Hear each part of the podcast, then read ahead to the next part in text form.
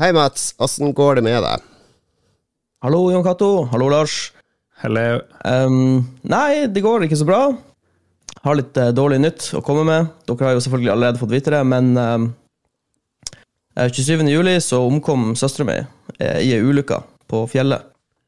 Så uh, den siste tida har gått med til begravelse og alt det praktiske rundt det. Så ja, vært ganske spesiell sommer, for å si det mildt. Stort, Ja. stort sjokk. Ja, det var um, Det kom veldig brått på, for å si det mildt.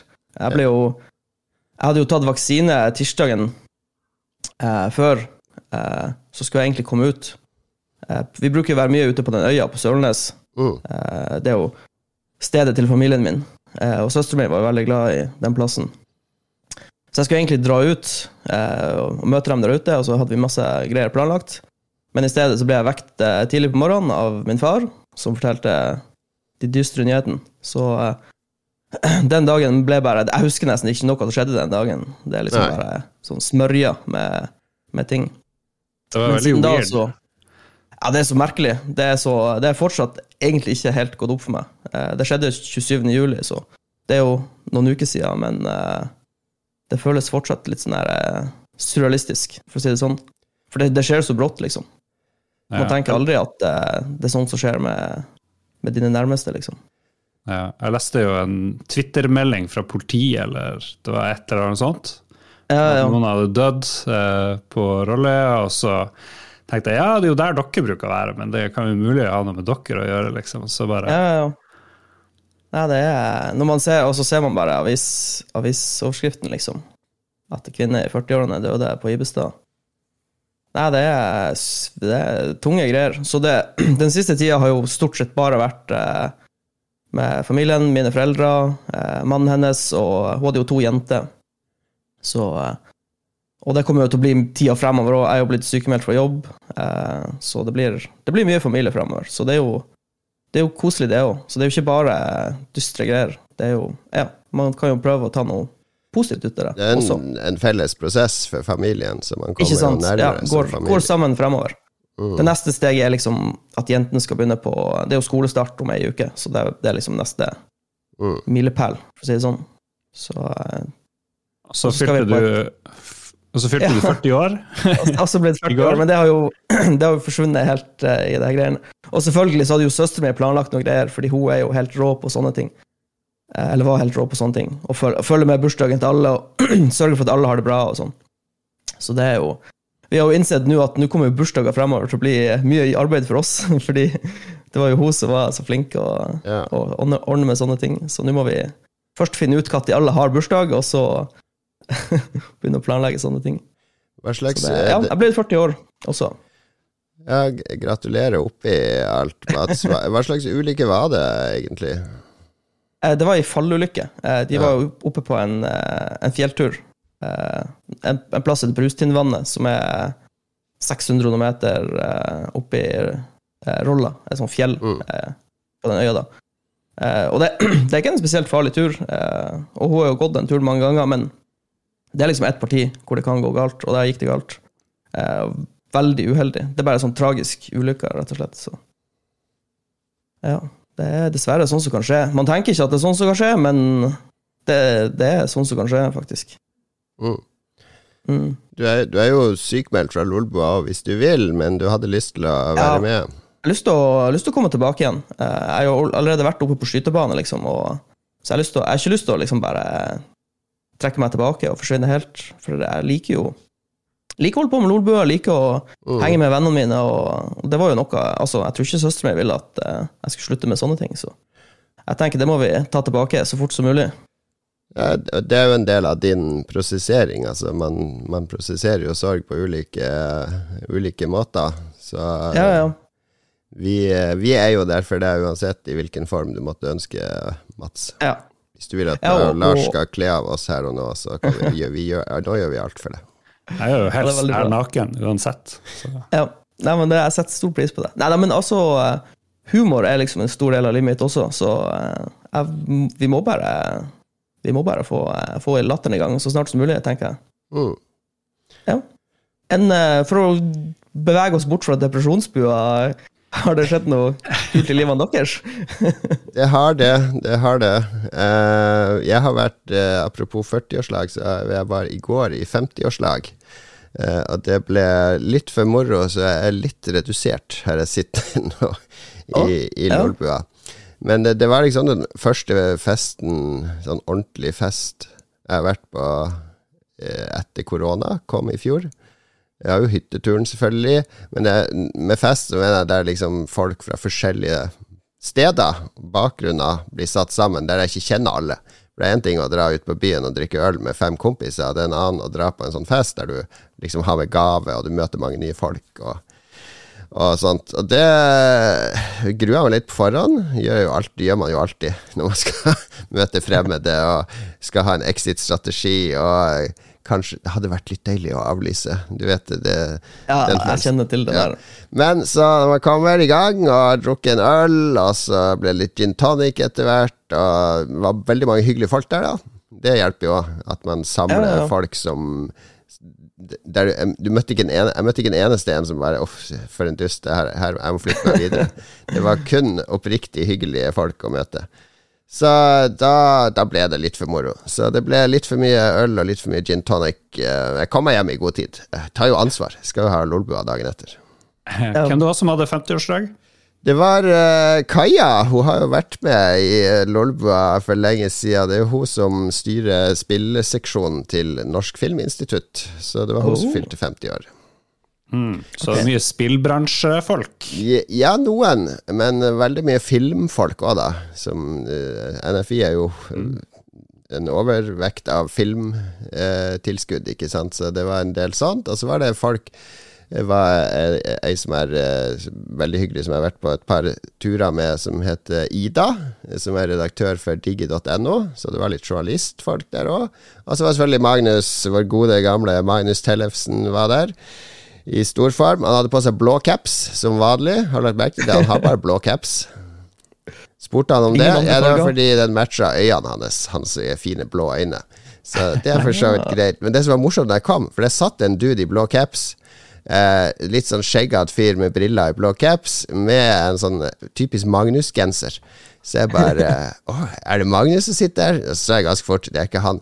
Ja, sånn Magnus-kopi. Og så kom Magnus ti minutter etter, med blå caps, han òg.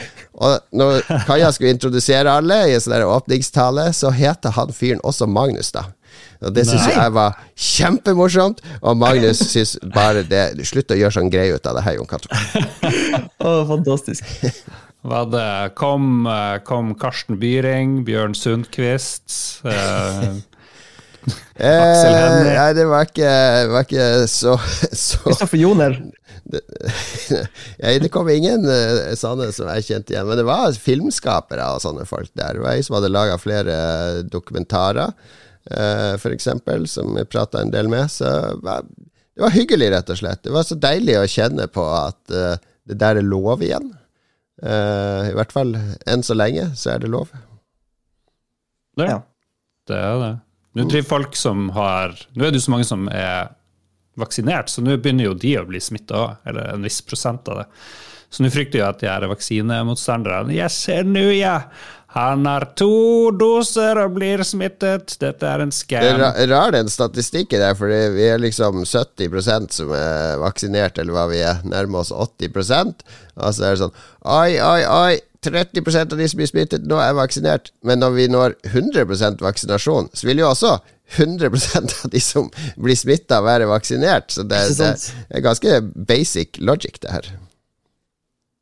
Nei, ja, ja. Også, har, jeg vet, Nå er ikke jeg eh, uten, utdanna doktor, men vil ikke vaksiner hjelpe på hvis du blir smitta? At du får ja, du blir jo ikke så sykdomsforløp? Det blir det mer sant? som en normal forkjølelse slash influensa i de aller, aller fleste tilfeller. Og det, og det, snakker jo selvfølgelig de aldri om, de som er vaksinemotstandere. Nei, altså, mm. det, på, uansett. det er jo hele grunnen til å ta den, er at du demper, demper det hvis du faktisk blir smitta. Ja, ja.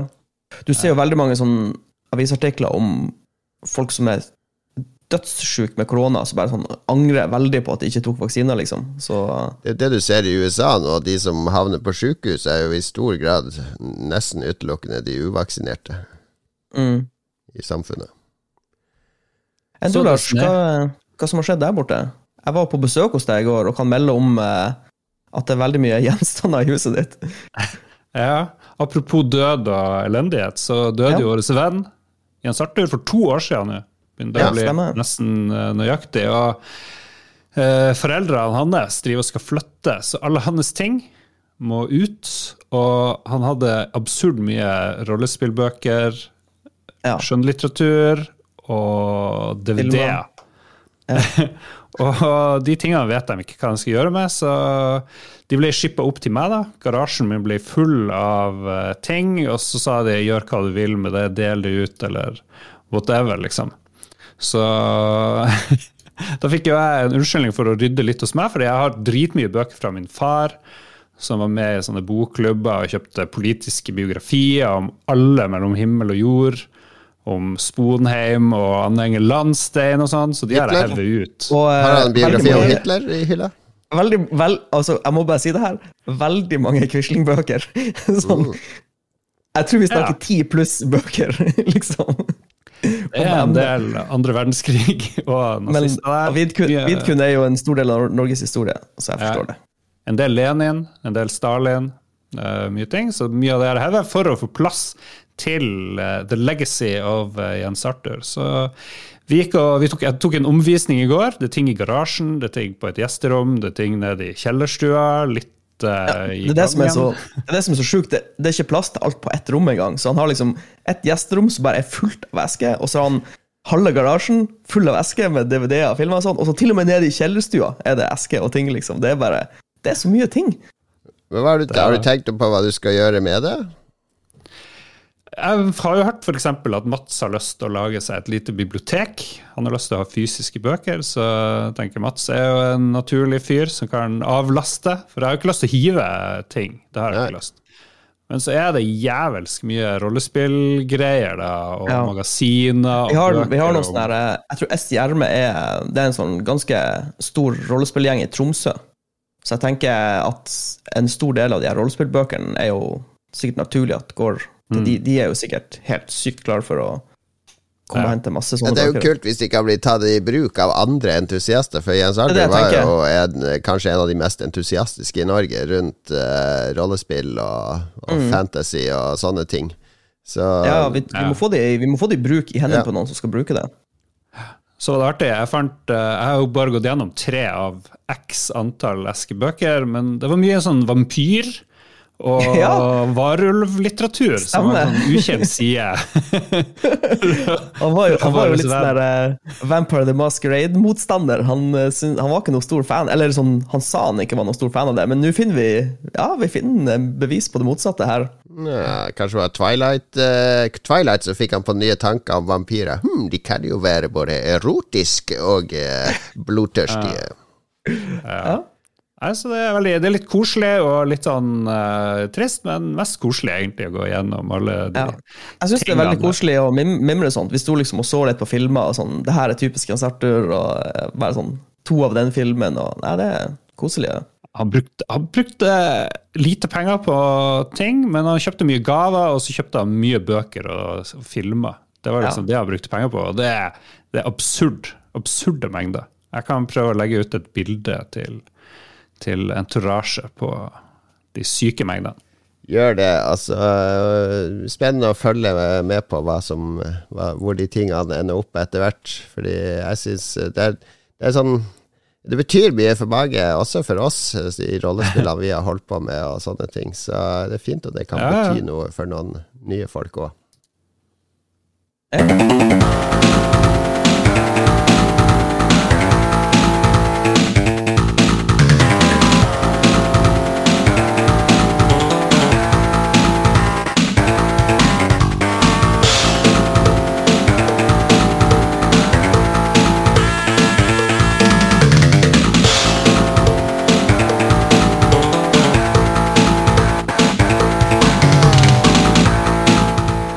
Afterburner i uh, Gameboy Advance-versjonen. Det der, uh, rett og slett, det hørte vel alle Sega-konnoissører at ja, det er ikke den originale arkadelyden av Afterburner, nei, det er Gameboy Advance. So much advance! Litt mer bass i advance-versjonen. Jeg har en saksopplysning. Jeg trenger sikkert ikke klippe det ut, men jeg, jeg, jeg måtte dempe lyden min litt, for jeg så at opptaket mitt var kjempehøyt. Så det gjorde jeg etter at vi hadde soundcheck. Så hvis jeg har vært veldig lav, så er det grønn fordi jeg måtte dempe litt opptaks Tror, eh, tror lyden. Jeg lurer på om det liksom spiller inn på det som går ut. Jeg vet faen. Vær så god, lyttere. Dette var spennende. Kjempespennende. Det blir mer spennende da, fordi vi, vi skal snakke om hva vi har spilt siden sist. Og eh, for, en, for en spilltid det egentlig er. Fordi i hvert fall jeg føler at det kommer så enormt mye interessant nå for tida. Eh, jeg har en overflod av spill jeg har prøvd i det siste. Ja. Jeg har gått litt mer Ja. tilbake i tid, for min del. Mm. Jeg har også spilt et nytt spill, faktisk. Jeg har spilt veldig lite de siste måneden, kan vi si da. Men, Ja. men jeg har spilt et helt nytt spill som, som akkurat kommet ut. Mhm. Og så ser jeg bare fremover i august at det, det, det, Ja, det, ting skjer. Det endelig nye spill. Det skjer, det skjer. Jeg, kan jeg har så mange jeg vil snakke om, så jeg kan jo begynne. Eh, Ja. Og så sprer vi det litt ut, så det ikke bare blir meg i en halvtime. Men eh, jeg kan nevne først at jeg har eh, spilt eh, litt. Ikke runda på noen som helst måte, men Selda Skyward Sword jeg kom jo ut i sånn remastered versjon på Switch. Eh, og så har jeg jo Begge ungene mine elsker jo Selda. De har spilt masse Breath of the Wild. Eh, så de vil jo teste gamle Zelda-spill òg, da. Og Skyward Sword var, kom jo bare på Vi, så det er ikke det mest spilte Zelda Eller jo, det ble spilt masse. Det var jo VU som floppa. Men det, det var litt sånn eh, Det var akkurat i den motion controller-hysteritida. Uh, der alt skulle være motion control. Så hele combaten er jo lagt opp til at du kan svinge sverdet fra høyre til venstre, stemme. eller på skrå ned, stemme, eller rett ned, Ja, ja. eller stabbe. Eh, dytte frem den andre kontrolleren for å ta opp skjoldet og sånn som fungerte veldig bra. Altså, eh, men det, det er ikke sånn man vil spille spillet i dag, selv om du kan det på Switch. Så jeg spiller det jo på vanlig kontroller, og det går, men du merker at combaten er litt uh, clunky. Men de har gjort det beste ut av det. Men det som jeg liker med det spillet, det foregår i en sånn skyverden, og så fer man ned på bakken, og der er det templer og sånn. Eh, Link og prinsessa og alt det der står i Zelda, det er ingen som bryr seg om. Men det er på mange måter en sånn veldig forsmak på hva vi får i Breath of the Wild. For det er mange av de systemene som Breath of the Wild bruker, eh, dukka opp her, sånn som stamina når du klatrer, og eh, det er sånn små glimt av hva som skal komme her. Og det gjorde gjenspillinga nesten verdt det alene. Jeg har gode minner fra det spillet på Vi, men også det å kunne se eh, hvor ting som skal dukke opp i Breath of the Wild, hvor ideene ble født, det, det syns jeg er veldig fascinerende. Ok. Så dere at det var kommet eh, bare sånn avsprang her, at det var kommet sånne ville mods til det, det nyeste Zelda Breath of the Wild? Eh, Jeg så en story på Kotaku, eller hva det var. Folk har modda det, folk kan spille det på PC. Du må ha sånne ville PC-er og minne for å gjøre det. Og så kan du få sånne mods, og så blir det bare, sier noen, sykt pent. Men de har jo fjerna all eh, grafisk design sånn som det var tenkt å være, så alt ser litt sånn her litt sånn grått og mørkt ut, og kontrastene er veldig høye, og ditt og datt. Sånn der selvshada Miyazaki-looken, den forsvinner litt. Men Den er det, borte. det er litt eh, spennende at folk driver og modder et, et et, ganske nytt da, eh, Nintendo-spill som har kommet til Switch. Switch. Det er eh, små interessant. Jeg har fått med meg den der de, de har klart å emulere det veldig bra, har jeg fått med meg. For van, vanligvis så sliter de med å emulere moderne spill på PC-er, for det krever så mye. Men de har visstnok klart å få det utrolig bra til med Breath of the Wild. Så det, det er spennende. Men jeg har ikke fått med meg det grafikkmodene av det. Men det er jo litt morsomt. Breath of the Wild kom òg på VU, så det kan nok skyldes at de, Ja, de ikke sant? klarer det. Ja. Fordi det er jo eh, litt eldre hardware igjen, ikke sant. Ja, men Mats, er du, hvor mange Zelda-spill har du spilt? Bortsett fra da jeg og du spilte Breath of the Wild noen timer. Jeg har faktisk spilt eh, det første som kom på Wii. Var det Twilight Princess det het, eller noe sånt? Ja. Hvor du kan bli til sånn ulv og sånn. Det er, eh, anser jeg som et av de dårligste i serien. Ja, ikke sant? Ja, for det likte jeg ikke så godt. Så, så det er liksom det siste Zelda-spillet jeg har spilt. Det er så sånn sjeldent spill der Nintendo faktisk hørte på fansen og prøvde å lage det eh, de gale menneskene på internett ropte og skrek om. Ikke sant? Ja. Nei, kan så jeg har ja. Nei, jeg har hatt- Naturlig overgang, Mats. Ja. For vi spilte jo i går, eller jeg og du satt så en som spilte Minit. M-I-N-I-T, som jo er sånn eh, Minit? Det ser ut som Selda 1, bare med bare kun svart og hvitt eh, og grått eh, farger. Jeg tenkte, først, jeg tenkte først at det var sånn gruvespill. Mine it. At du skulle liksom Ja. Nei, men det går på at du har ett minutt, du har 60 sekunder på hver gjennomspilling. Og så er det en sånn typisk Zelda-verden hvor du skal gå rundt og prate med folk og få items og låse opp nye områder og sånn. Men så har du som Ja. sagt bare ett minutt på deg. Men alle items du får og liksom viktig progresjon, det lagres eh, mellom hvert spill. Det er en av de her Vlamber-folkene som har vært med å lage det. Og da så vi han Kien spilte det. Jeg syns det var stor underholdning. Uh, Ja, det var, ja jeg følte det, det, er, det er absolutt et spill man kan spille som gruppe. på en måte. At folk kan rope ut ja, og det her må gå til venstre. og og nå må, nå må vi gå opp til høyre, for nå vet vi hvordan vi skal hogge ned trær. liksom. Så kan vi hogge ned de trærne som har blokkert veien vår kjempelenge. Ja.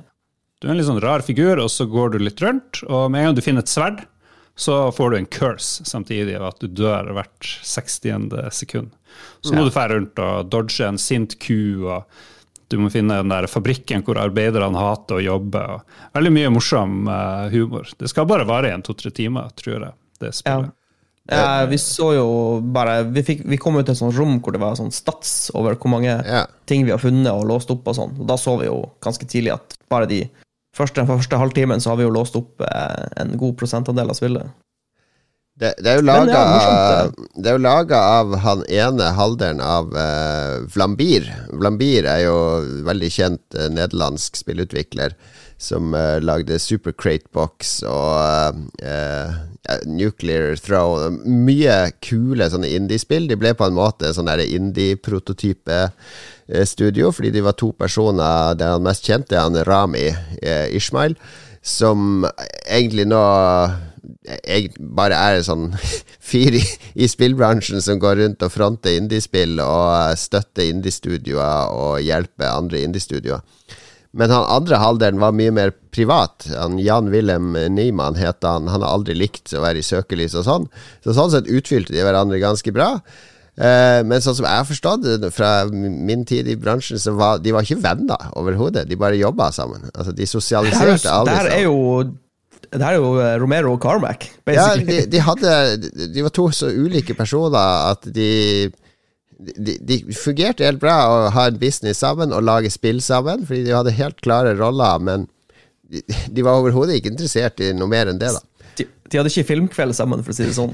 Nei, det, Ut fra det jeg har hørt, så er det sånn det kan godt hende det ikke stemmer. Jeg har møtt Rami et par ganger. Han er superhyggelig, jovial, omgjengelig, sosialt søkende og alt sånn.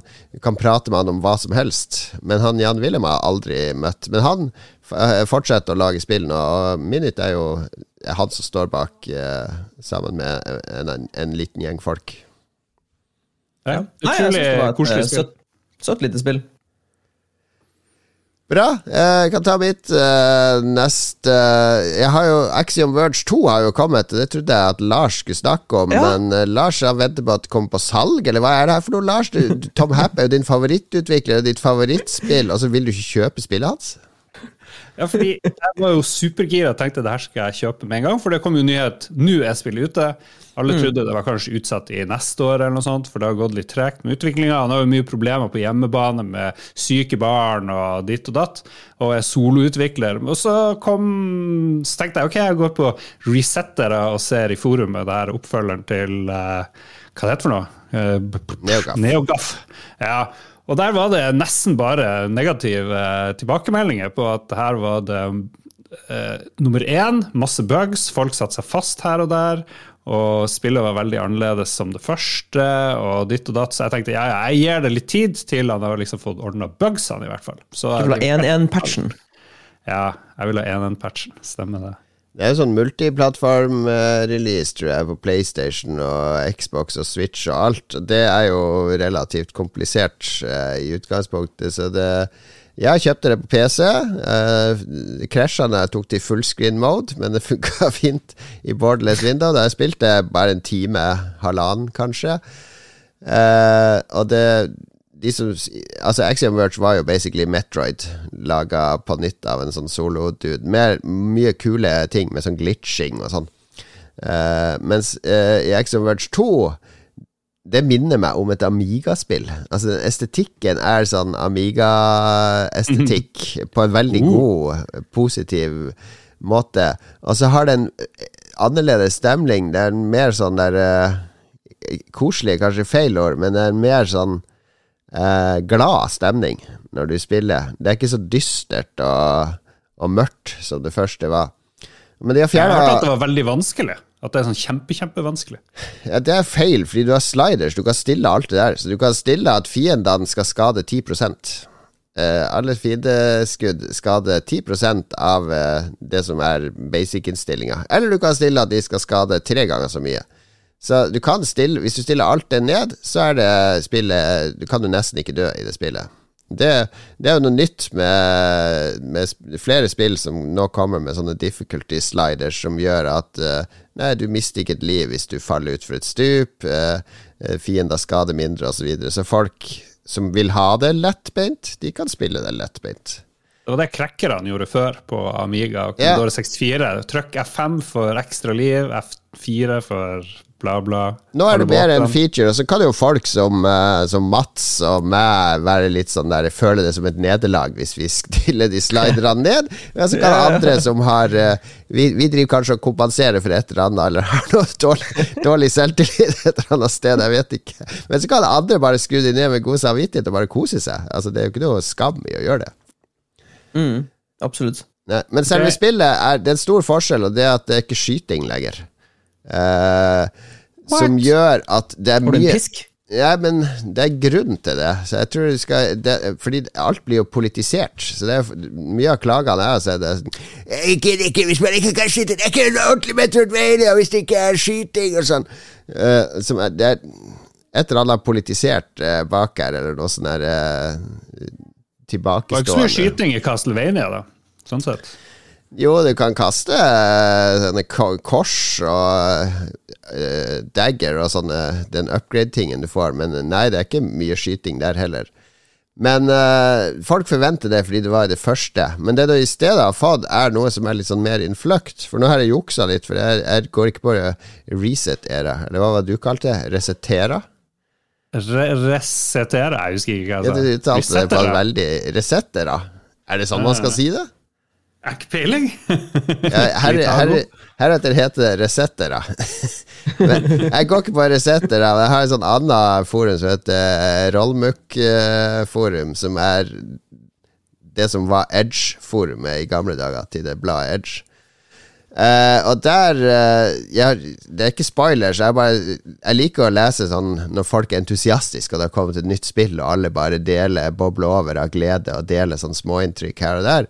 Der, Jeg leste noen ting der som hinter om at det er eh, Det er veldig innfløkt. Det er noen sånne veldig kule ting som kommer til å skje i det spillet. Eh, så jeg gleder meg veldig til å spille det mer. Ok. Ja. Amiga-style-feeling, det er jo midt i hjertet mitt, da, så Ja, ja. Hvis du skal selge noe Hvis du skal ha et innsalg til Lars, hvis du f.eks. er telefonselger og sånn, så ringer du til han, og så tilbyr han et abonnement, og så sier han at det er sånn Amiga Et sånn Amiga-lignende abonnement. Du får sånn Amiga-ringetone og sånn. Da er det, da da er det kjøp med en gang. Stemmer det. Apropos eh, vanskelighetsgrad og skyting.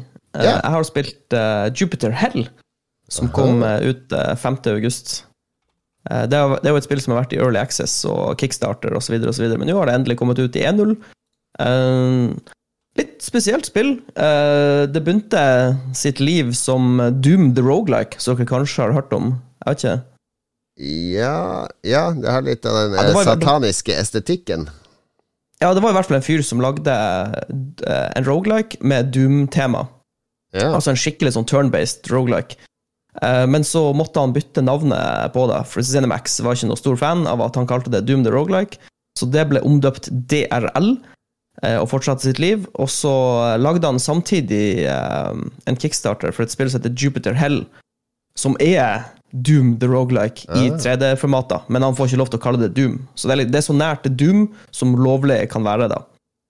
Og det er eh, utrolig solid rogelike, rett og slett. Det er en ekte rogelike. Det er ikke noe sånne eh, Men uh, oppgraderinger som fortsetter etter du dør. Er det bare estetikken som er Doom, eller er det skytespill, eller hvordan Det er en skyte-rogelike. Altså, du Du kan Du må ikke spille med skytevåpen. Du kan bruke kniver og macheter og motorsager og sånn, sånn som du også kan i Doom, for så vidt. Ja. Men eh, 75% av spillet er lagt opp til at du springer rundt og skyting, da. Men det er Eh, action, men- eller er, det ikke Ja, det er det som er. Det er det som er. Det, Ja. Når du tenker rogelag, så tenker du hmm, turn-based. Dette er ikke veldig Doom.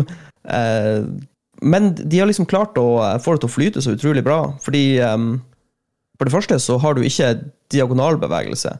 Eh, til de av dere som ikke har spilt så mange rogelikes, så er det ganske vanlig at du kan gå i de fire pilretningene, men også i de skrå retningene. Altså at du har hele, hele bevegelsesspekteret, da. Men det de har gjort, er at eh, det går så fort. Altså animasjonene og spillet og alt er så smidig og går så fort, så når du springer rundt med piltastene, så føles det nesten ikke som du spiller et uh, turn-based spill.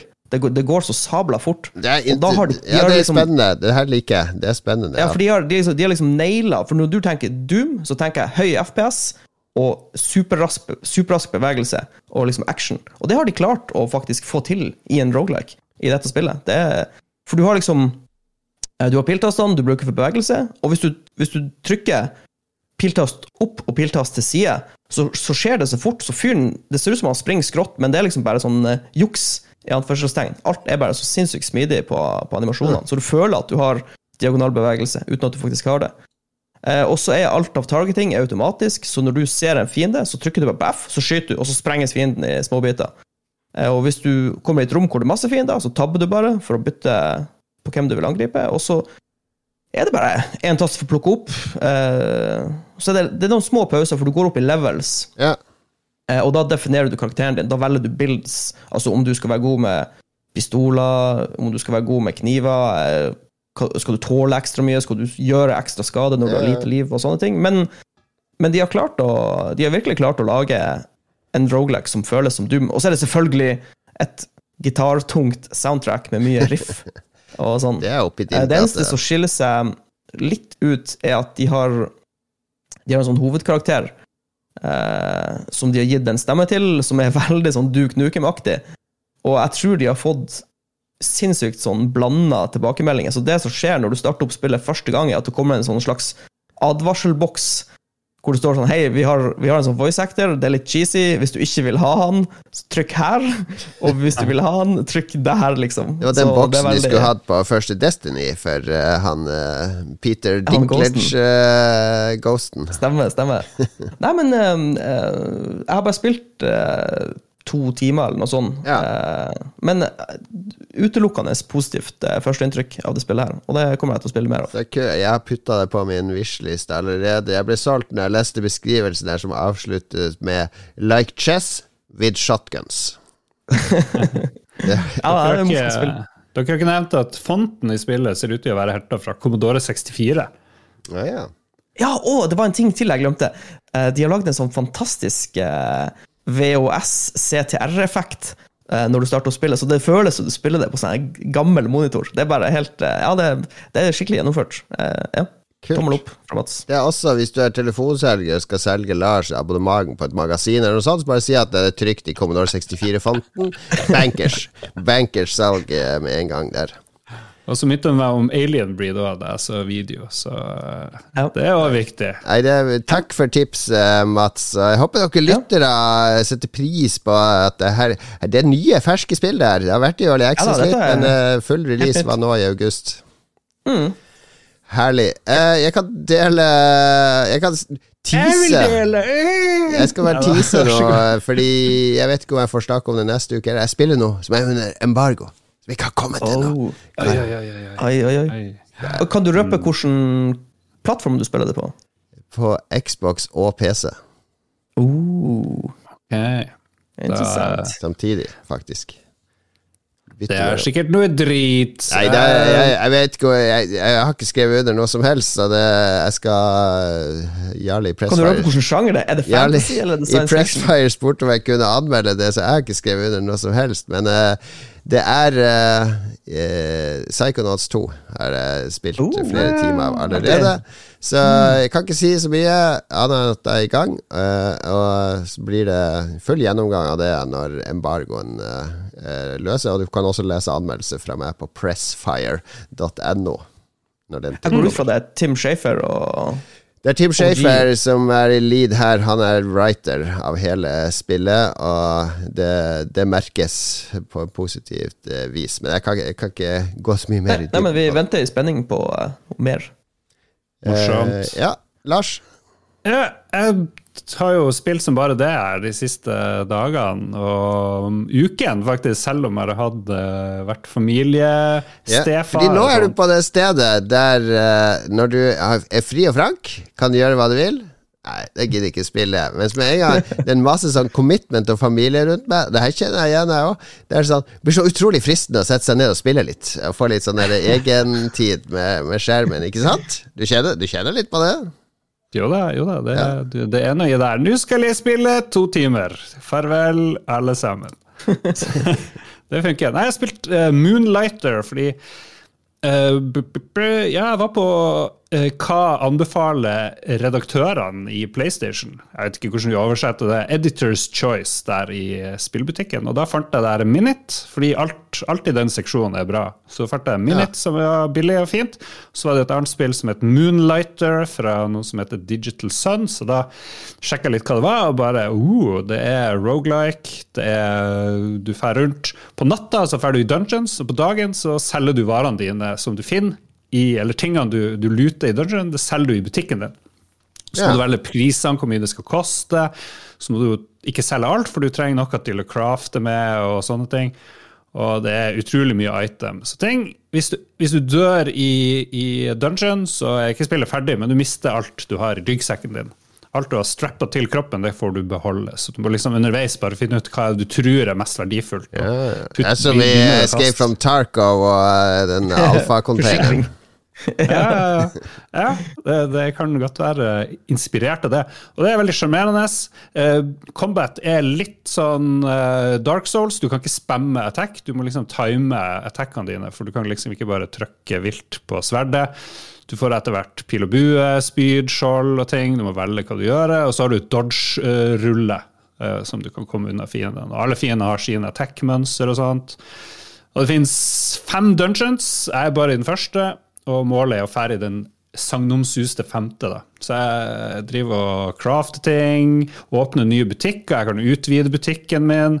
Veldig morsom kombo av sånn her eh, selge og, og, styre i butikk, og drive og utforske. Unik kombo som jeg aldri har sett. Og så er det selvfølgelig pikselgrafikk og veldig koselig lyd og, og sånne ting. Uh, vi glemte å snakke om musikken i Minute, for den er jo helt strålende. Ja, husker jeg. ja den er også veldig bra. Ja. Den er dritbra. Kjapt throwback. Ja. Så jeg har spilt noen timer i det her Moonlighter, som er Jeg har spilt uh, 37 sekunder Moonlighter. Uh, det var akkurat han Lars var nede og ordna litt med Jens Arthur-ting, og så sto spillet på, og så gikk jeg bare Det var sånn fire retninger du kunne gå opp, ned, venstre, høyre. Så gikk jeg bare til venstre, og så kom jeg inn i et rom med noen fiender, og så begynte jeg å hogge litt ned, og så kom han Lars tilbake, og så eh, skulle jeg bare legge fra meg kontrollen, men så tenkte jeg jeg hadde lyst til å trykke på pause. Men så virka det ikke som du kunne trykke på pause. Og så kom det en sånn svær grønn kar og bare spiste opp eh, karakteren. Hmm. Er det sånn, kan du, ikke, kan, du ikke, være for lenge i et rom? Er det en sånn timer eller noe? Det er en timer, ja. Hvis du er for lenge, så kommer det en sånn ghost, sånn som i Spelunky. Og Nettopp, da må du sånn bare burne på. Komme for å dytte deg videre. Ja, men da må du vente veldig lenge. Og det hadde ja, okay. sikkert stått i ro før du tok opp kontrollen. Ja, ikke sant? Ja. ja. Skjønner. Så det er, ikke, er ikke så ille som Spelunk. Men jeg, jeg, likte, jeg likte det, grafikken det var umiddelbart veldig koselig. Ja, det ser veldig koselig og fint ut. Jeg ser det fra 2018, men herregud, spill er ikke, blir ikke eldre på samme måte i dag. I hvert fall ikke når estetikken er sånn tidløs som det er her. Så jeg, jeg har ikke spilt det. Det er jo 11-bit Studios som er utgiver, som også har Frostpunk og This War of Mine, som er oh. rimelig De er veldig gode sånn indie-publisher fra Polen, så jeg har sansen for de. Så nå Takk, Lars. Nå har jeg enda et spill på Wish-lista som jeg aldri kommer til å få kjøpt og spilt. Når skal vi få spilt alle disse spillene? Det er for mange. Det er for mange. Det er for mange. El- el- 11-bit studios. Jeg tenker nå har vi 8-bit, vi har 4-bit. Hvor mange bit studios finnes det? Det er det som er så morsomt. Du kan, du kan lage 496 bit studios. Det er det som er så morsomt, Lars. Det er ikke noe grense. Her? Hvorfor ikke bare gå rett på én million? Få høyeste bits. Det ville jeg gjort hvis jeg skulle starte spillstudio. One billion bit studios! Nei, men du må, du må sikte høyere, Lars. Petabyte. Petabit. Petabit, Ja. Petabit Studio. Jeg kan avslutte med at jeg har også dabla litt i VR den siste tida. Uh, VR-porno. Flight Simulator eh, eh, 100% Flight Simulator VR det går i her. Jeg orker ikke å spille noe annet i VR akkurat nå. Det er kun eh, Flight Simulator, for nå er flyinteressen tilbake igjen av en eller annen grunn. Det kom en stor update i juli til Flight Simulator som forbedra mye performance, og gjorde skyene enda mer magisk. Jeg tror det kom i den updaten. Skyene nå er helt det er helt sjukt, for det er så, sånn store, høye skyer med sånn mørke skygger inni. Og det å fly mot de og forbi de og inn i de, det, er, det føles akkurat som når du sitter på flyet og ser de her skyene. Um, så jeg fløy uh, Lengste tur jeg hadde, var fra Bornholm, en sånn liten øy sørøst for uh, Sverige, som, som er dansk. En dansk øy på andre sida av Sverige. Uh, veldig sånn ferieparadis for Bare ikke si det til svenskene. Da blir de sur. Ja, den, den er dansk. Fløy derifra til Kastrup, da, over Sør-Sverige. Det er vel kanskje der eh, din bror bor i Sør-Sverige, gjør ikke han det? Lars? Ja, det tar en halvtime ish å komme fra Kastrup til broderen. Ja. Eller ja, 45 minutter. Fløy over der eh, med et lite eh, propellfly. Eh, koste meg opp i lufta. Var, eh, med, det var når det var sånne høststormer, eller sånne sommerstormer her nede. For det har herja en del stormer i Kristiansand og sør for Oslo. Så jeg fløy akkurat da med liveværet da, og det var dårlig vær. Det hølja på, på Bornholm. Så klarna det over Sverige. Og så var det litt så Der borte regner det, og sånn. Så det, det, det føler en veldig sånn tilstedeværelse når du sitter i VR, og det er det været som er akkurat nå. Den, den eh, regnet som har passert her jeg bor nå, og dratt sørover. Landa perfekt på Kastrup. Ja, det var deilig. Det var en deilig flytur. Gjør du som Nei, Iron Eagle, setter du på stemmen til Louis Gossett jr. og lar deg han snakke varmt og tett inn i Nei, jeg gjør ikke det. Hva- Men hva var det du ville si, Mats? Jeg er sikker på at det var mer fornuftig enn han Louis Gossett jr. Nei, det er bare en Det er bare noe med flysimulatorer som fungerer så utrolig bra med VR, for liksom du sitter fastlåst på en plass, men du kan snu hodet fritt. Altså det er liksom VR er nesten lagd for flysimulatorer. Det Ja, det er sinnssykt bra eh, fit. Og så er det noe med at det er vår verden. Altså det der skillet mellom Jeg føler jo at jeg har flydd fra Bårdholm til Kastrup, fordi alt ser ut Hadde jeg satt meg i et ekte fly og vært passasjer, så hadde jeg jo sett akkurat de samme tingene. Og hatt Ja, ja. på en måte den samme opplevelsen. Så det, er, det bryter en sånn derre third wall nesten for meg å sitte i VR med flysimulator.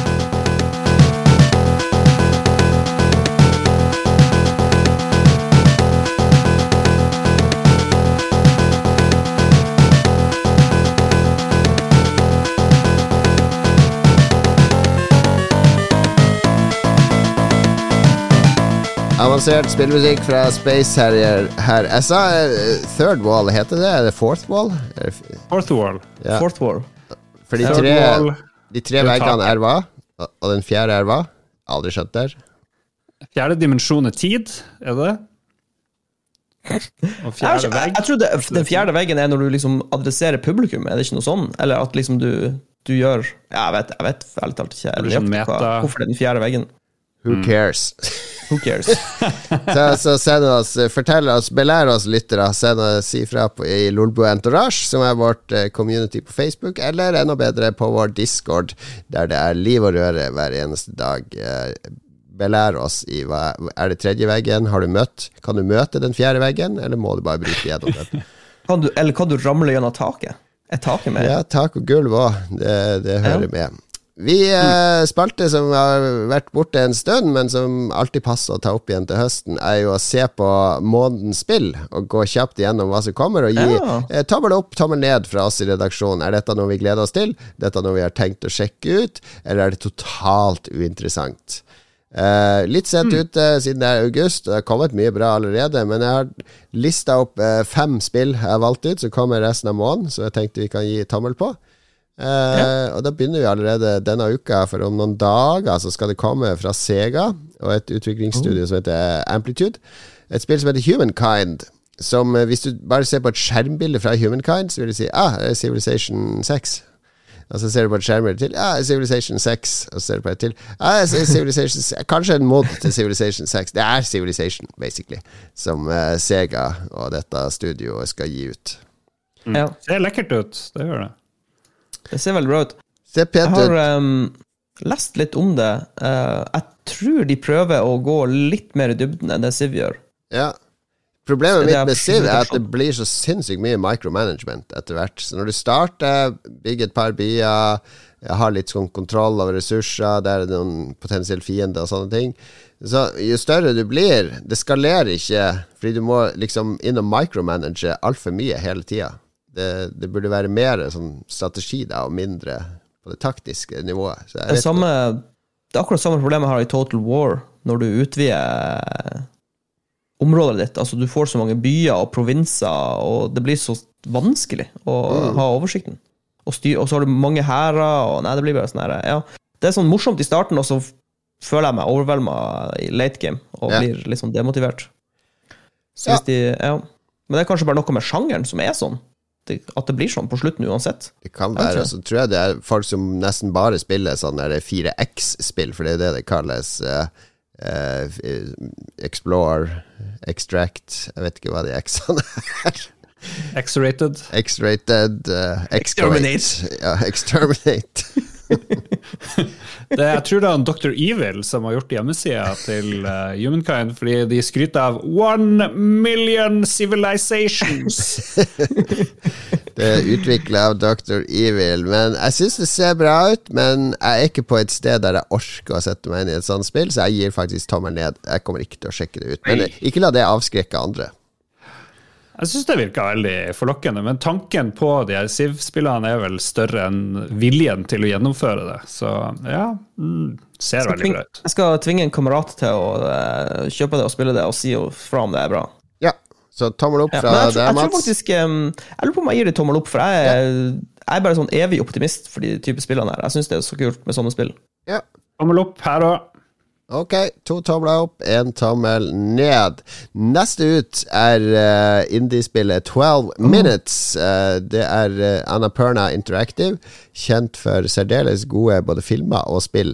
Veldig kunstneriske, mm -hmm. gode spill har de. Som, uh, som, gir ut dette spillet, som er laga av uh, litt sånn ukjent utvikler. Jeg husker ikke hva han het nå. Luis Antonio. Ja. Luis Antonio. Og det er et spill eh, som foregår i en leilighet, eh, der det skjer mye drama. Jeg tror det er et mord. Og eh, kameravinkelen er liksom hele tida i taket på mm. denne leiligheten og i disse rommene i leilighetene.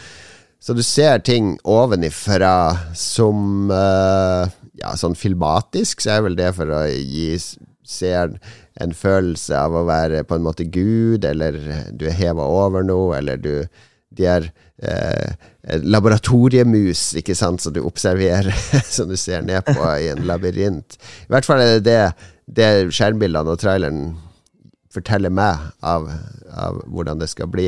Men det ser veldig, veldig lekkert ut. Og det er vel noe sånn derre uh, alt skal foregå på tolv minutter. Er det sånn tidsloop? Du skal inn og endre Jeg tror det er en timeloop, ja. Eh, en interaktiv thriller om en mann trapped in a timeloop featuring James McAvoy, Daisy Ridley and Willem Dafoe. Så det er hun fra Star Wars eh, og mm. han Willem Dafoe. Ja. Det lover jeg godt. McAvoy er jo han eh, professor X fra de nye X-filmene. Ja, nettopp. Det er mm. stjernegalleri, da. Så det blir jo ja. et skripta drama, antagelig, med en del branching, virker det som. Men det ser såpass ja, bra ut, og konseptet ja, er så spennende. Jeg. Og jeg har allerede funnet en easter egg, folkens. Oh. På et av skjermbildene på Steam så ser du eh, gulvteppet i naborommet, og det er The Shining-referanse med det samme mønsteret som de har i The Shining. ah, ah nice. nice. Nei, men jeg, jeg, jeg, jeg, husker jeg så trailer for det spillet her, og jeg ble umiddelbart interessert. Og dette er sånn snill pris, det koster ikke all verden. Dette er sånn typisk spill jeg kommer til å kjøpe. 19. august? Hmm. Ja. 19. august. Kan snakke om det neste, Lolbua, rett og slett det, ja. siden det kommer denne uka. Jeg tror eh, alle vi tre kommer til å sjekke det ut. Jeg føler på meg ah, ja. at det er tre tomler opp her. Ja. Yeah. Enkelt og greit. Hvorfor ikke? 20. august eh, kommer, eh, hvis du skal tro på internett, det meget kontroversielle Ghost of Tsushima Directors Cut. Eh, Ja. Som er eh, Det har allerede kommet en PS5-oppgradering av Ghost of Tsushima, som gjør at det kjører litt bedre på PlayStation 5. Dette er jo Sony-spillet som kom på PlayStation 4 i fjor. Eh, Et av fjorårets aller beste spill, i, i min bok. Elsker samurai, åpen verden-spillet eh, som Sucker Punch lagde. Det er det de heter, Ja. er det ikke det? Ja. Spilte du noen gang multiplayeren? For det kommer jo av Nei, jeg har lyst Jeg har lyst til å teste det nå, når det kommer ut på nytt. Eh, Men Directors Cut det adder ekstra innhold, altså en ny story som er lagt til, som skal være relativt omfattende. Nye områder. Og så er det en further enhanced for PlayStation 5, og så er det også nå at de har gjort sånn at uh, lipsynken før var vel uh, engelsk lipsynk. Oh, nei, oh, nei, nå er den også japansk lipsynk, og det er det store kontroversen. What?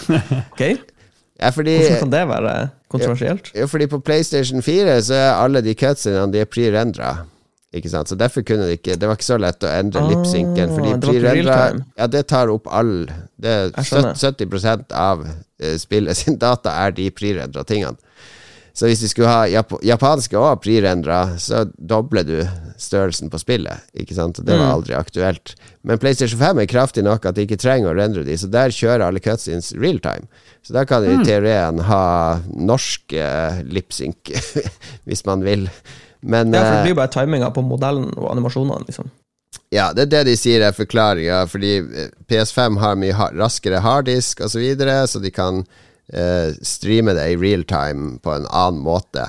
Det er en teknisk forklaring som uh, alle vi som har jobba med spill, sier ja, det er logisk. Alle sånne idioter på internett «Eh, det- er det, eh». er, sånn gamer rage eh, deluxe eh, av ting de ikke forstår noe som helst av. Sinte folk på internett, Jon Cato. Dette er et nytt eh, Alt som normalt, med andre ord. Men det som er kontroversielt òg, at det koster jo litt penger, denne Ja. Directors Cut. Så hvis du har vanlig versjon fra før, så må du betale litt ekstra, det er vel snakk om 20 euro eller noe sånt, for å få den Directors Cut med alt nytt innhold, og denne lipsynken. Og da er det folk som Jeg skal ha lipsynken gratis! Jeg har spillet fra før, jeg skal ha japansk lipsynk gratis! Så Kom, jeg, kommer inn en sånn fyr i, i studio her hele tida. Veldig irriterende. Veldig morsom fyr, da. Han ut. Ja, ja, ja. Han burde lage podkast, han fyren der. Bare sitte sånn i en time ja, ja. og rope. Nei, jeg, jeg vil bare si at uh, Ghost of Tsushima Director's Cut er lagd for Mats, fordi jeg fikk aldri spilt uh, Ghost of Tsushima på PlayStation 4, fordi min PlayStation 4 lå i eska og ikke ble brukt. Men nå har jeg en PlayStation 5 som er satt opp, den up and running, den er oppdatert, alt er online. Så Ja. jeg skal kjøpe Ghost of Tsushima Director's Cut og spille gjennom Ghost of Tsushima for første gang. Jeg tror ikke på deg. Du kommer aldri til å spille Jo, hva det- som helst. Herlig. Jeg faktisk gleder meg. Gleder meg til å høre om det. grunn, litt av grunnen til at jeg skaffa meg en PlayStation 5, var for å spille Ghost of Tsushima, og det, det er no, no joke. Ja. Ja, men det blir det gleder jeg meg til å høre om. Og vi har jo snakka litt om vår venn Jens Arthur i denne episoden, men det er også et spill når jeg spilte det, så tenkte jeg litt på Jens Arthur, fordi det hadde vært veldig artig å spille det med han. Med sånn running commentary fra han på alle våpen og klesdrakter og alt sånt. For det, det var noe han kunne mye om. Ja. En del av hans samling er jo kampsportbøker. Vi fant fort Savate. Ja, det lå øverst gjennom esken. Artig. Fransk eh, artig. kampsport. Nei, jeg har, jeg, skal, jeg har så mye å spille nå, men eh, jeg har lyst Men- til å gjenbesøke det, så jeg gir det tommel opp, jeg. Tommel opp eh, fra Mats, uten tvil. Ja. Jeg tror ikke jeg blir å gidde å skaffe det, for det så så bra ut på PS4. Og jeg spilte Du har jo spilt, allerede, du har spilt gjennom, så du er jo good. Jeg spilte gjennom veldig, men jeg har lyst til å spille multiplayer. Men eh, jeg vet ikke om jeg Du kan gi tommel opp bare hvis du syns det er veldig kult, og dette har du lyst til, egentlig lyst til å spille. Selv om du ikke kommer til å gjøre få lov å gi hvilken tommel ja. ja, Han må også gi tommel, han der. Det blir faen ikke noen tommel opp! Skal en tommel opp i ræva på de jævla utviklere? Kan ikke lage cutscenes! Ok, Siden han er så negativ, så får det vel bli tommel opp fra meg, da.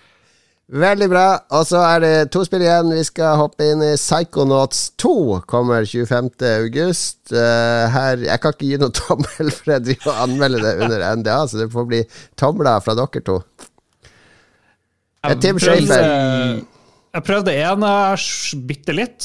Jeg vet ikke om det kom inn noen sånn remaster, remake. Kom det, tror det var tilgjengelig et eller annet sted. Ja, Kanskje på jeg jeg GamePass. Game Pass, mm. Ja, jeg skjønte ingenting av det. Virka utrolig kjedelig, bare tull. Så uten å ha undersøkt eller sett noe av Psychonauts 2, stor tommel ned fra Harstad.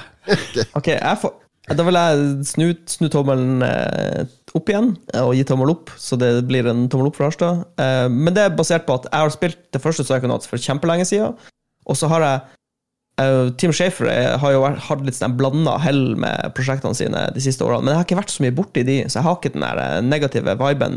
Så jeg, jeg forblir optimistisk og har trua på Psychonauts 2. Mm, jeg tror, min teori er at uh, Phil Schaefer, eller hva han heter Tim. Tim Schaefer. Mye morsommere å høre han snakke om spill enn å spille spillene hans. Han er en sånn her Lambert, han er den der Rami Ishmael-fyren som liker å prate mer om spill enn å lage spill.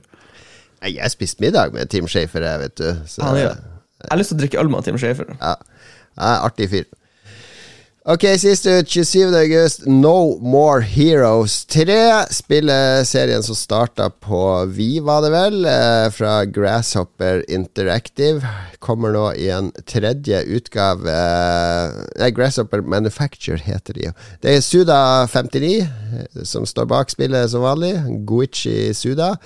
Han er liksom spill, japanske spill Han er liksom punkrocker. De spillene hans føles veldig som de er sånn der eh, raska sammen en masse ideer i veldig kul estetikk, med en sånn fuck you-holdning. Så jeg elska jo det første, No More Heroes. Eh, nummer to var ikke så bra. Så jeg gir en forsiktig tommel opp til dette. Jeg, jeg har veldig lyst til å Ja, Travis Touchdown, som hovedpersonen heter. Jeg har lyst til å bli kjent med Travis Touchdown igjen. Nei, det er litt sånn ukjent spillserie for meg. Jeg har, jeg har ikke vært borti den, egentlig. Jeg har sett coverne liksom, og noen bilder og sånn, men jeg har aldri spilt dem, så for meg, så ja. Det er på tror- Switch, da, så det gjør det jo veldig uaktuelt. For Ja, det blir jo vanskelig, da.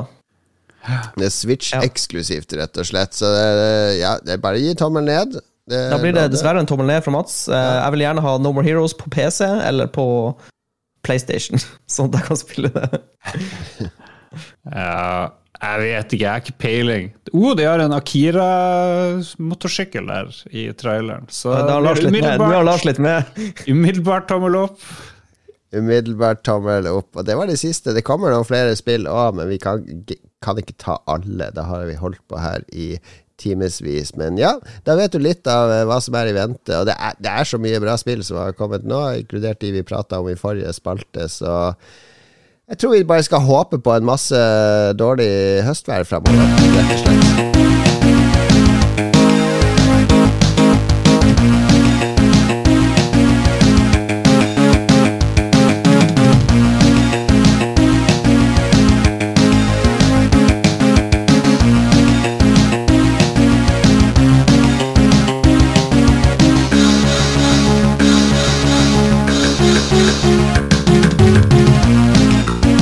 Super hang-on eh, der. Det bare vært Sega-musikk. eh, Klassisk Arkade-Sega-spill så langt i sendinga. Hvis du har spillmusikktips som du mener vi burde spille i Lolbua, ta kontakt med oss eh, via vårt entourage eller på Discord. Enda enklere.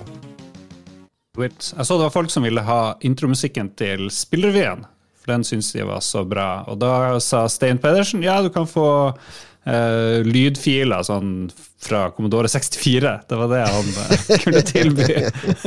Det er hardcore. Stein Pedersen var på 50-årsdagen i går, så jeg skal hilse masse fra han. Han er jo fast, fast lytter. Uh, jeg, som han sier, det er jo litt sånn rart, Jon Cato, fordi jeg føler at jeg, jeg vet alt hva du holder på med. Fordi jeg hører på deg hver uke, men det må jo føles rart for meg å snakke med Stein, fordi han Hvis jeg skal fortelle han noe jeg har opplevd, så ja, det har du fortalt allerede. Jo, kjenner til det der. Det er en kis på jobben som lager en podkast som heter Eirik og Adrian. Eh, veldig fin podkast.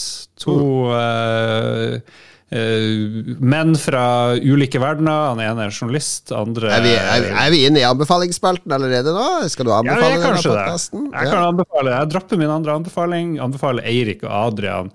To, eh, to, hyggelige menn, 30- og 40-årene, jeg er litt usikker, kanskje begge 30-årene. Homofile menn forteller mye om sin hverdag. Driver og driver, Han ene leser New York Times, har litt sånne der provokative innspill. Andre forteller om avsuging på utesteder i Oslo og sånt, og mye mer, selvfølgelig. Han er veldig oppdatert på sportsresultater. Ja. Eh, og så videre. Men det er utrolig god stemning, og det der eh, jeg liksom fikk en sånn eye-opener på hvordan bør man åpne en podkast, for den bare kjører rett på, den driter i å introdusere noe som helst. Det tenker jeg det burde flere podkaster gjøre. Ikke drive og snakke et minutt om hva de hører på. Vi vet jo hva vi hører på, osv. Ja. Men uh, utrolig gøy å, å, høre. Og så er det veldig rart da, å, å, vite veldig mye om hva den du jobber med, holder på med. Så nå vet jeg litt eh, hvordan det er for andre sida. Hva andre tenker om oss når de møter oss. Ja, ja. Nå bare, bare hele og Jeg er sikkert veldig plagsom og skal snakke om alt mulig han snakker om på podkasten. og sånn. Uh, det er jo ikke sikkert han vil at uh, en, av, en, av, sjefene hans skal drive og høre om alt mulig han legger ut fra livet sitt. Men uh, Eirik er standup-komiker i tillegg, ja. og veldig morsom. Og, nei, det, jeg må si, det, det, er mye bra tema. Mye reality-TV får vi høre om. Ja. Desperate House, hva heter det for noe? Real Housewives of U, en sånn veldig rart. Det er ikke Beverly det er en sånn syk by et eller annet sted hvor det er mye drama. mye Real Housewives of Six City. Ja, Så får du høre om Wuhan. Så får du høre om han Adrian, stor fan av der Real Housewives, og driver og sender meldinger på Instagram til folk han hater og elsker. Han leser opp sine brev. Litt sånn syke ting. Uh, you are my enemy, I'm going to do everything in my power. Me and my friends will do everything in my power to stop you. Og så husker han ikke heller hva hun heter, og det er politikeren han sendte sånne nesten trusler til. og så driver han Erik og sender fanbrev til en sånn svensk musiker. og Nei, det er veldig, veldig utleverende, veldig sjarmerende. Uh, meget artig podkast. Men liker ikke, han liker ikke at sjefen hører på det? Han har ikke sagt det, men jeg vil jo tro det. Ja, men Det kjenner jeg, fordi det er jo også på min jobb. Det er jo 100 ansatte i min uh, etat nå. Og der uh, det er Av og til så er det folk Jeg, jeg hørte på Lolbua i går, og så jeg bare Å nei. Å nei. Oh, no. Oh no. Hva har jeg sagt nå? Det er bare, bare sånn ryggmargsrefleks. Ikke gjør det. Ikke gjør det. Jeg snakker aldri om Lolbua på jobben der. Har, uh, vi, burde, vi, vil jo ha flere lyttere. Jeg er jo ikke flau over hva vi gjør her, men jeg, jeg må skille jobb og privatliv før det, da. Ja, man, man, er, man, er, jo forskjellige personer. Man er jo en person på jobb, og en person med venner, og en person med familie, liksom. Det er jo ja, altså, er, er, vi er jo ganske oss sjøl. Vi er jo litt skrudd til òg, da, fordi vi er på podkast. Mm. De, de, helt 100% ufiltrerte versjonene av oss, det er vel kun på, på hytteturen, og de, kan, de, de, tåler ikke offentlighetens uh, lys. Nope. Uff. Ja. uff. Ja, men hva vil, het, het, den podkasten, Lars? Du må repetere det. Nei, det heter bare Eirik og Adrian, tror jeg. Eirik og Adrian på Spotify. På Spotify. Ja. ja. Veldig bra. La. Uh, jeg vil eh, komme med en ganske kort uh, og konsis anbefaling. Det er en YouTube-kanal som heter First We Feast. Uh -huh. Som har et ganske sånn morsomt konsept. det er en veldig sånn karismatisk, skalla mann som heter Sean Evans, som intervjuer berømte mennesker på denne YouTube-kanalen. Yeah. så spør Altså, de spiser kyllingvinger med progressivt sterkere saus på kyllingvingene. Ja. Så blir det mer og mer spicy jo lenger de kommer ut i intervjuet. Og det høres litt sånn ut som et merkelig konsept, men det fungerer uh, utrolig bra, fordi han der Sean Evans-fyren er så sykt rå på å researche de han skal intervjue, og, og komme med bra spørsmål. Ja. Så det blir, det blir, ofte veldig bra intervju. Jeg er ikke noe, er ikke noe sånn her, uh, stor fan av å bare se intervjuer med, med, skuespillere, men akkurat i det formatet så fungerer det dritbra. Ja. Og jeg vil spesielt uh, trekke frem Hvis du bare skal se en episode, så er det den nest siste episoden som kom av denne sesongen, i anførselstegn, eh, med han Matt Damon, var Matt utrolig Damon. bra. Matt Damon. Uh, utrolig mye morsom innsikt inn i filmindustrien. Han bare ja, slipper løs litt sånn hemmeligheter. og ja, utrolig Saftig intervju, rett og slett, med Kult. en karismatisk eh, Matt Damon. Jeg har sett deg få de opp med anbefaling på YouTube. Vil du se det her? Det er sikkert fordi jeg har sett på Chili Klaus og sånn. Fordi det er Ja, ja, litt samme konsept. Så jeg tenkte ja, det er jo litt artig at folk svetter når de spiser eller drikker veldig sterke ting. Men så ser jeg de var en halvtime. Så jeg tenkte, jeg orker ikke se en halvtime med at de skal bygge opp til at nå skal vi spise en chili. Eh, Men det er faktisk intervju. Altså det er sånn kjøtt, kjøtt på, på beina her. Det, ja, ja, det, det er et helt uh, solid intervju, og de snakker om alt om uh, personlige livet deres, til filmprosjekter, til hva som skjer, og morsomme ting, morsomme historier, anekdoter. Så han er, han er eh, intervjueren, han Sean Evans, sånn som har lagd kanalen, er, han er rå Ja. på å intervjue folk. Jeg har, jeg har et litt annet take på det, fordi jeg syns han er han er flink nok, men han er veldig straight, mens intervjuobjektene driver og svetter og har det helt forferdelig og sånne ting. Og så, og så er han veldig litt sånn, kanskje ikke kjedelig, men veldig saklig og sånne ting. Så det blir en veldig kontrast mellom han der eh, Sean-fyren og sine Ja, han, er- han er veldig sånn maskin. Sånn, eh, han er ikke Ja. Han er ikke eh, den varmeste personen, men han er flink å få, få de til å snakke. da. Og så fungerer det på et vis med det her at de spiser sterk mat.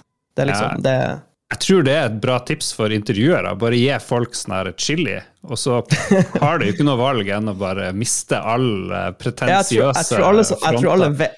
Alle vegger og forsvarsmekanismer tror jeg smelter bort når eh, du, du, Jeg tror ikke du klarer å tenke normalt når du Jeg får hører- 100 000 Scoville eh, inn i kjeften. Jeg hører på neste live-greie vi skal ha med publikum, at dette er jo noe å undersøke definitivt. Men hva gjør de etter de har fista, da? Fordi first vi fist, og så Nei, det er det som er, Da er det over. Ok. Det, det er bare vi fiste. Vi fiste. First we feast, then we fist. Ok, det var litt Yes. grovt. Det var Ståle, Ståle rage quit. Ståle, Rage quit. Ja, nei, men eh, hvis, hvis du um, sjekker ut uh, YouTube-kanalen, og spesielt uh, Matt Damon Og hvis, hvis du liker Matt Damon-episoden, så kommer du til å like mange av de andre episodene. Men hvis du ikke Ja. liker det, så er det bare, det er bare å glemme det. Det er bare å styre unna. Det er, eh, det er generell livsvisdom, det, det der. Mats, eh, jeg skal jeg hadde, Det hadde jo skjedd noe eh, spennende forrige uke òg som jeg kanskje burde tatt opp før, men det var bra jeg sparte det til anbefalingsspalten. Jeg var jo på konsert for første gang siden mars 2020.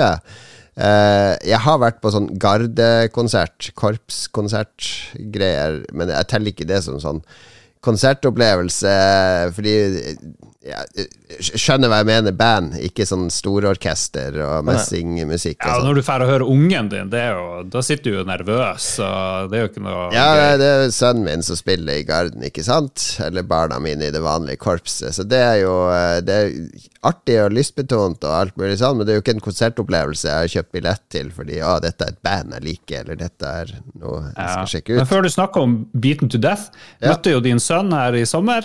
Ja. Han har blitt sånn her eh, mini-Arnold Schwarzenegger. Han bare er sånn her muskelbunt. Ja, tar etter sin eh, far. sånn- Tar etter sin far, rett og slett. Før var han sånn nerdy gamer, nå har han vært i garden. Bare ser ut som han skal knuse tryna på byen. Pumpa jern. Ja, ja.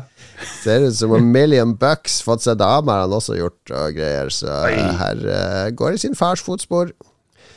Det kan vi avkrefte her og du.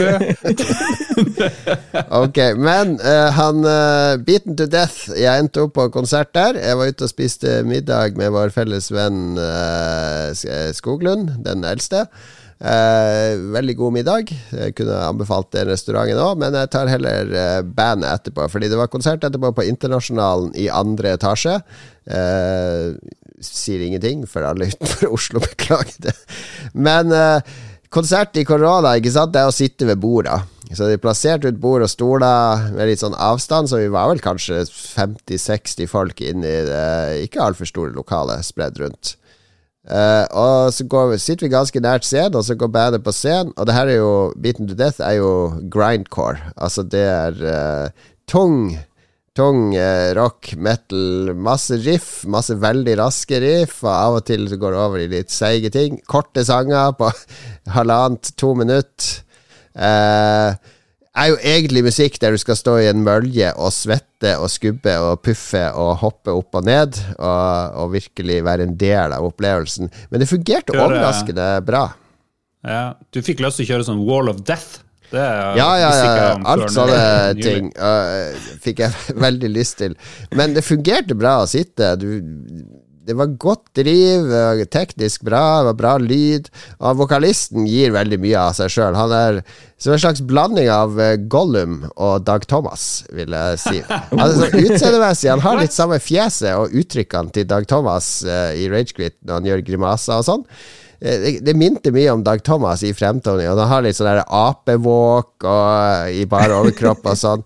Så eh, en, en eller annen grunn så tenkte jeg på Dag Thomas veldig ofte når jeg så på vokalisten. Men han bøy veldig på seg sjøl, da.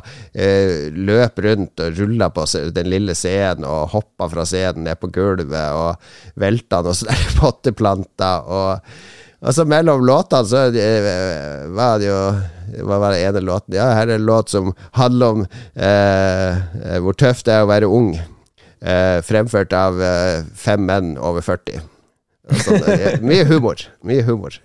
Vi burde starte Lolbua-band, så har vi Dag Thomas, Ståle er jo klare vokalister. Ja. Eh, Mats er òg vokalist av og til. Nei, jeg vil, jeg vil spille et instrument. Vi trenger en på gitar, så hvis du gidder Jeg kan lære meg å spille gitar. Jeg kan Ja, lære meg å spille gitar. Ja. Det- Hvor vanskelig kan det være, folkens? Jeg tar trommen. Ja. Lars, du har eh, synten, pianoet. Synten mest sannsynlig, og Christian på bass. da, Christian er jo, han er jo det prototypen, den lange, hengslete bassisten. Ikke sant? Den lange, hengslete, tynne bassisten med bassen hengende helt nede ved knærne. Hva med, Philip? Hva, hva skal han få lov til å spille? Philip er jo Han er han, uh, han rapper. Han er jo veldig god rapper, ikke sant? Så han kommer Ja, ja. inn som han rapperen i Limp Bizkit. Det er en som synger, og så har du en som rapper. Han er han er Kano-fyren som kommer og rapper litt. Og der kom navnet òg. Vi snakker jo rett og slett om LOL Biscuit, som nå eh, straks spiller på en scene nær deg. Følg med på Ticketmaster.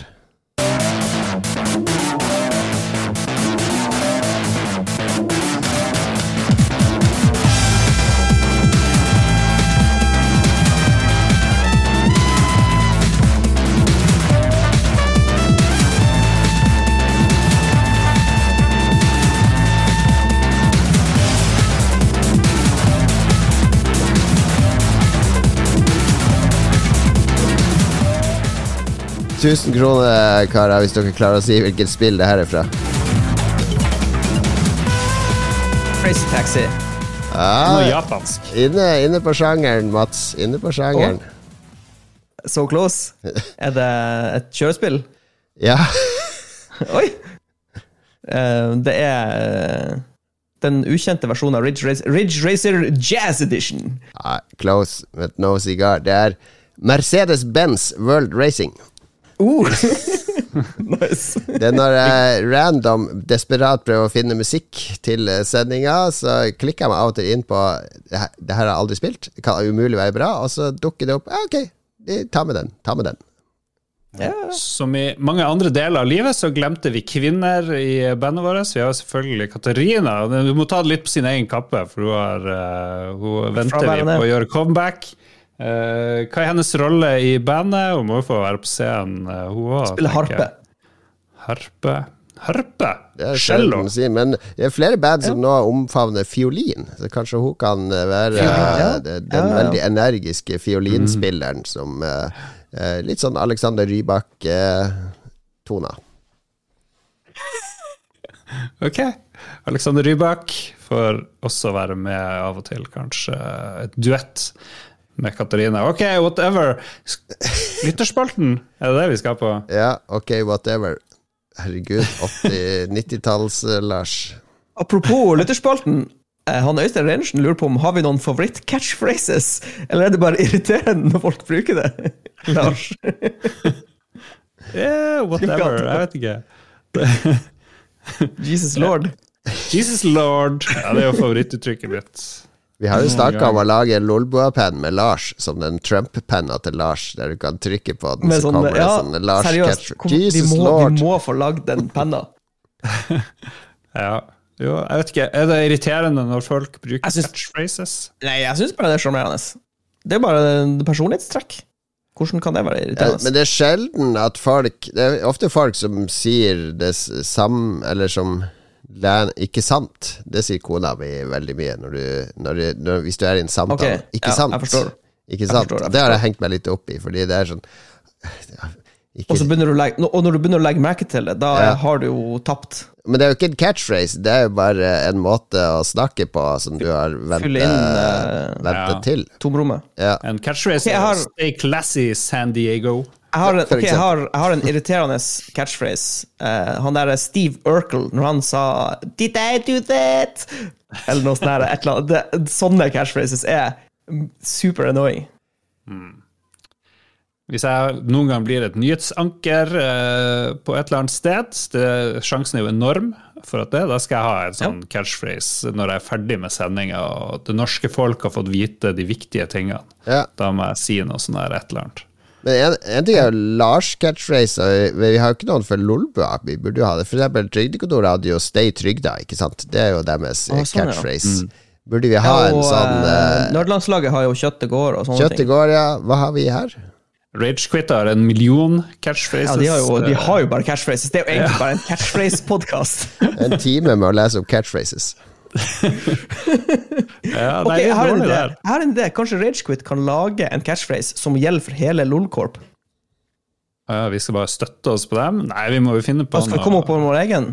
La oss eh, ha det som hjemmelekse til neste gang. Eh, hver av oss må komme med et forslag til Lolbuas catchphrase. Det skal vi tenke okay. ut til neste gang. Og så skal Ja. vi la lytterne eh, få stemme på hva skal Lolbuas offisielle oh. catchphrase være. Jeg foreslår at alle må finne en catchphrase, og så skal vi snike det inn og se om de andre oppdager det. Og hvis ikke, så må vi på slutten oppsummere. Her er sendingas catchphrases. Det blir litt komplisert. Vi finner ut av hvordan vi gjør det. Men eh, vi skal finne på hver vår catchphrase til neste gang. Ja. Getto Boys lurer på hva vi mener om utviklinga i Afghanistan. Der så jeg rett før vi begynte å spille inn at nå, nå er Taliban på alle sider av Kabul, og et helikopter går i skytteltrafikk fra den amerikanske Det går- ambassaden. Det går så dårlig i Afghanistan at hjelp. Stakkars Afghanistan. eh, de har ikke oppnådd noe som helst eh, de siste 20 åra. Nei, altså, ja, hva vi Hva sitter vi igjen med etter 20 år med vestlig involvering? Eller ja, Afghanistan? vi kan strekke det til Det er 150 år med vestlig involvering i det er Afghanistan. det, det, er basically der de Og var for 150 år siden. Ja. Det man oppnådde, var jo en periode med mye krig, og så kanskje litt stabilitet. Usikker stabilitet, og nå er det fullt kaos. Så det, det var jo noen som sikkert har fått det litt rolig og fredelig, mens eh, allierte styrker var der og surra. Men noen løsning på problemet, det har man jo ikke. Ja. Nei. Ja, altså jeg, jeg- Hvis de kan få litt fred nå Bare altså Om det er fred under Taliban med forferdelige verdier, så kanskje de kan få litt fred og liksom ikke konstant konflikt og ting som eksploderer. Det hadde kanskje vært ålreit for det stakkars landet der.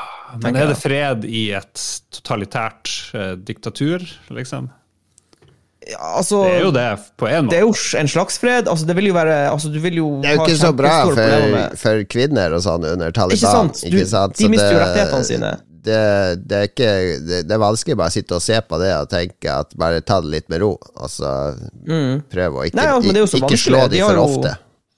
De har jo prøvd seg i 20 år nå, liksom. Hva skal man gjøre? Hva, hva er fasiten? Nei, det er uhyre komplisert. ja, Torbjørn lurer på hvordan jeg ville løst det, rent tarkovsk, og det, der ligger jo løsninga i seg sjøl. Det er jo det amerikanerne gjør nå. De løser det jo Tarkov-måten. De rømmer fra landet. Uff. De har funnet exiten sin. Extracten uh, De er på extracten. Mm. akkurat nå. Det er ikke noen extract campers i sikte, så det, den teller ned. Nei, det, er- det er en veldig trist uh, greie. Jeg syns synd på hele nasjonen uh, og alle som bor der. Mm. Ja, Ja, det er dramatisk. Apropos, apropos catchphrases, så mener jo Raymond Eikås Kaspersen at Brennefakkel burde være vår eh, catchphrase. Det er helt uaktuelt. Helt uaktuelt. Det jeg gruer meg også til med Afghanistan, er om eh, fem år, når vi skal få de Hollywood-filmene fra den dramatiske evakueringa, med Ja, ikke sant. siste liten ting som skjedde, og ditt og datt. Based on a true story about the escalating conflict and evacuation. Uh, det gruer jeg meg litt til.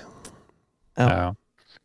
Petter Parker han sier at Abid Raja har nylig valgt å brette ut om endetarmsproblemene sine, såkalt analastresi, i selvbiografien Min skyld, for å vinne stemmer, sier Peter Parker. Putin vil ikke innrømme en forkjølelse engang, og har sittet med makten i over 20 år. Ja, er det en strategisk feil å åpne opp om endetarmsproblemer fra venstre venstrepolitikeren?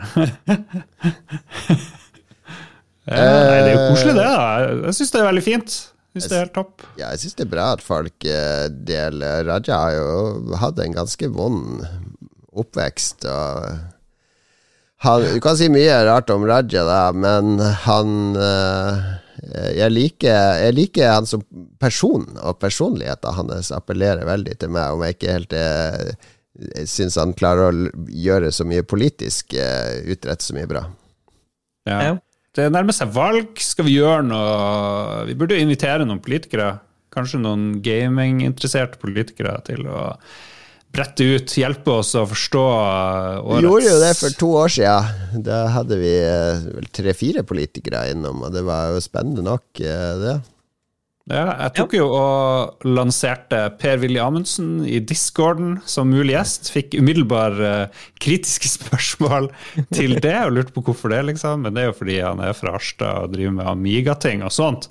Men han er jo en uh, Politisk så står jo vi veldig langt fra han da her i Lolbua. Det gjør vi. Men uh, det fine og det viktige med et demokrati er jo å snakke med folk og prøve å komme til noen forståelse. Nå spørs det om vi kan komme til noen forståelse der, da, men det, hvis man ikke prøver, så får man jo ikke det til. tenker jeg. Men i valgkamp ja. så er jo politikere med på sånne ting for å selge inn ting, for å rekruttere velgere. Ja, ja. Så jeg, jeg, ja. Egentlig så er det mer interessant å prate med dem når det ikke er valgkamp. For da, da, enig, for nu, da har de ikke en sånn, agenda med å være ikke med. Sant? Nå, er det, nå er det kampanje, kampanje, kampanje, og de vil mm. bare reklamere og få stemmer. Og du ser det jo på nyhetene overalt nå. Det er det, det, jeg ikke liker med de her valgene. At det blir så mye fake eh, greier. Ja, jeg har også lyst til at vi skal prøve å få han uh, Eivind Trædal fra MDG inn som gjest, uh, fordi han er jo PC Master Race-gamer de luxe. poster av og til om skjermkort og spill og sånne ting. Så han, han, tror jeg har mye spillstoff å bidra med. Men jeg, nå, nå vedder jeg på at nerdelandslaget plukker han opp før oss. Nå har de fått et tips. Nei, vi prøver neste uke. Går rett på sak. går, rett, går, rett, på sak. Og hvis han velger nerdelandslaget, så er det helt greit. Det er der, alle kjendisene skal gå nå. Vi sliter litt med å konkurrere der. Ikke, vi, vi, kan ikke tilby like mye som nerdelandslaget. Her blir det bare noen uh, uinteresserte nordlendinger som sitter og er litt syrlige med det. ja, ja, Den store fristelsen. Du røper det jo altfor mye. Men Sofie Elise, da? Når skal hun inn? Oi, oi, oi. Ja, hun er Ja, er hun politiker nå? Jeg tror ikke hun blir det snart. Jeg vet ikke. Vet det har vært litt lite Sofie Elise i monitor i det siste. Jeg hører rykter om at hun er sammen med Isak, som vant Norges tøffeste. Han nordnorske fiskeren. Uh, hun dumpa jo sin gamle harstekjæreste for ikke så lenge siden i år, tror jeg det var. Ja. Så ja. ja. Kan godt hende. Du får noe, eh, undersøke det, Lars. Det er noe Han, eh, særdeles ubehagelig med at fire menn over 40 sitter og diskuterer Sofie Elise sitt samliv. samliv. ja, nå er jeg over 40. Ja, for Faen, du, er, du er liksom, over 40, liksom Mats. Du har ja. bikka den. Det blir så lett for deg, Jon Cato. Du kan jo si over 40. Ja. No! Fire, fire, menn over 40? Ja, ja, ja. 45, jeg, da! Kan jeg vel for faen snakke om Sophie Elise, uansett hvor gammel jeg er? Jeg har ikke noe å si! Ja, takk. Ja. Han eh, Ragnar Veien Tundal eh, spør oss om hva vi syns om at stadig flere yngre ikke klarer å uttale sj-lyden, altså Kjell Kjøtt, stort irritasjonsmoment eller naturlig utvikling av språket? Spørsmålet må selvfølgelig leses opp på nynorsk. Oi, det, det fikk jeg ikke med meg. Beklager, Ragnar. ja. Kjøtt. Kjøtt. Kjøtt. Kjøtt. Ja. de det sier kjøtt, skjøre uh, Han uh, Skjell jobber på skjell. Altså Og går på kino. Og går på kino. Ja. Men det er jo en naturlig utvikling, fordi det er lettere å si sj-lyd enn KJ. Så jo, men, det er naturlig. Uh, jo, men skal vi gjøre noe bare fordi det er lett? Det er jo, dette er jo det motsatte av det som er noe. Vi må jo utfordre oss sjøl. Vi dro ikke til månen fordi det var lett, Lars. Ja, vi, vi, prater jo heller ikke sånn som vi gjorde i starten av 1900-tallet, da vi prata sånn halvdansk Taler i ikke det dannede språk! Ja, så det er jo bare en naturlig utvikling, og det er jo de unge som skal ta eierskap over språket og Det ta det med seg videre. Så vi, vi prater jo Jeg tipper om 20 år så er halvparten av alle ordene vi sier, engelsk. Og jeg kommer til å være Det er, i å det delta på det. et større problem, fordi min sønn på tolv som ser veldig mye YouTube, og også ser veldig mye film og Stranger Things og Ja. andre ting, han koser seg. Han er veldig glad i å se film og, og har masse favoritt-YouTube-tubere. Uh, alle er engelsk. Så han, han Mm. jeg merker språket hans, han tenker engelsk nå. Så han, Ja, ja, han, han s, bruker engelske ord hele tida. Der det er det er, nå, skal vi spise dinner', og uh, Jeg, jeg, jeg jeg bare fulgte roaden dit den gikk, og sånn. Det, Ja, ja. Men jeg, tror, det er jo noen science fiction-filmer hvor du uh, ser at språket er en sånn blanding av uh, kinesisk og engelsk og kanskje et tredjespråk. Og jeg tror ikke det er usannsynlig. Om, hvis du bare går mange nok år fremover, så blir det en sånn eh, herlig miks til slutt. Det er bare, språk er jo bare kommunikasjon, å snakke med folk og gjøre deg forstått. Så om du, hvilke ord du bruker, jeg vet ikke, har det noe å si, egentlig? Så lenge du gjør deg forstått, at folk forstår hva du mener. Jeg syns ikke det. Jeg synes når Lars skriver i avisa si, eller vi skriver om eh, podkastepisodene og sånn, da syns jeg at det, da bør vi bruke korrekt og god norsk. Eh, ikke skrive sånn dialekt. Men for all del begynne å skrive dialekt i Harstad òg. Men jeg, da syns jeg at da skal det være, da skal det være ryddig og sånn felles for alle. At alle skal kunne lese det. Ja. Kjempebra. Kjempebra. Kjempebra, vi er ved veis ende. Hurra, hurra. Hurra! Det var godt å ha deg tilbake, Mats. Ja, det er godt å være tilbake. Jeg kjente litt på, eh, på savnet, for å si det sånn. Ja. Jeg har, jeg har god nyhet. Vi har i sommer fått to nye produsenter. Så nå har vi ni til sammen, folkens. Det begynner å ta av. Det betyr at Jan Christian Eide nå også skal få produsent-T-skjorte. Shant59 håper jeg har fått kontakt med Ståle. Dere må komme inn i, i eh, discorden. Jeg tror Jan Christian allerede er det. Jeg er Ja. litt usikker på om Eh, Shant har dukka opp. Så nå er det da, for å ta alle produsentene, så er det TTMXMP, som står for hva, Mats?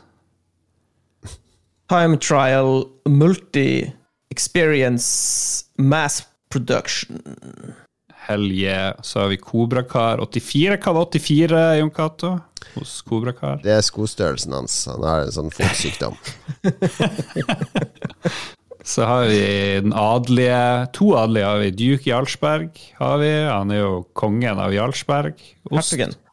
Og Jarle Pedersen, som òg er jarl. Så har vi Jeg bare går her. Anne Beth, selvfølgelig. Vår uh, dronning. Hvis de er konger, så er hun dronningen. Og uh, sånn herre sykepleier for Joakim, som vel er egentlig den hun Caretaker. representerer i det her. Beklager, Joakim. Uh, Stian Skjerven. Hva det var med han, Mats? Nei, han er jo som kjent Det var jo han som hadde det programmet på NRK hvor ingen trodde at noen kunne bo. Er det ikke det? Ja. Ja, Det helt det. riktig. Han med, han med skjegget. Han koselige fyren med skjegget. Det er jo han Stian Skjerven. Ja, og du har jo hatt litt kontakt med Øystein Reinertsen, O-Reiner, eh, Jon Cato, tror jeg. Ja, han er min faste pusher på Vinmonopolet. Får anbefalt god vin og god whisky.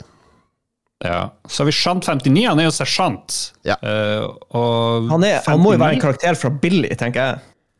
Han ser akkurat ut som år. han i Billy, med sånn tann som stikker opp, og så har han sånn liten hund som ligner veldig på, på, på, på han. Ja, Så er det til slutt vår nye produsent Jan Christian Eide, som vel er i slekt med Jon Christian Elden.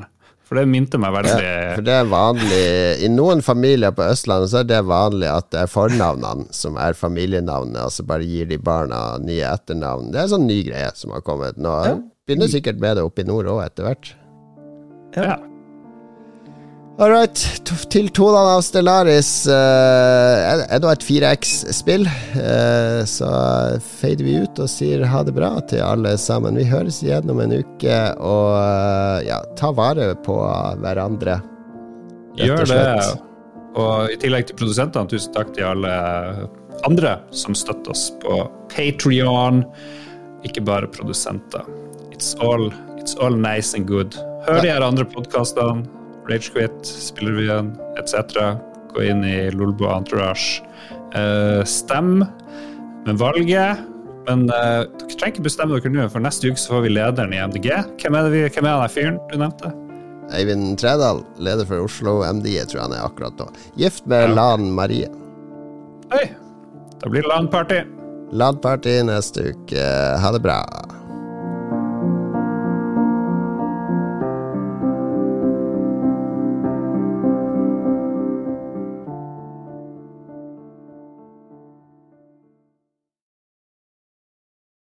Har du et enkeltpersonforetak eller en liten bedrift? Da er du sikkert lei av å høre meg snakke om hvor enkelt det er med kvitteringer og bilag i fiken, så vi eh, gir oss her, vi. Fordi vi liker enkelt. Fiken superenkelt regnskap.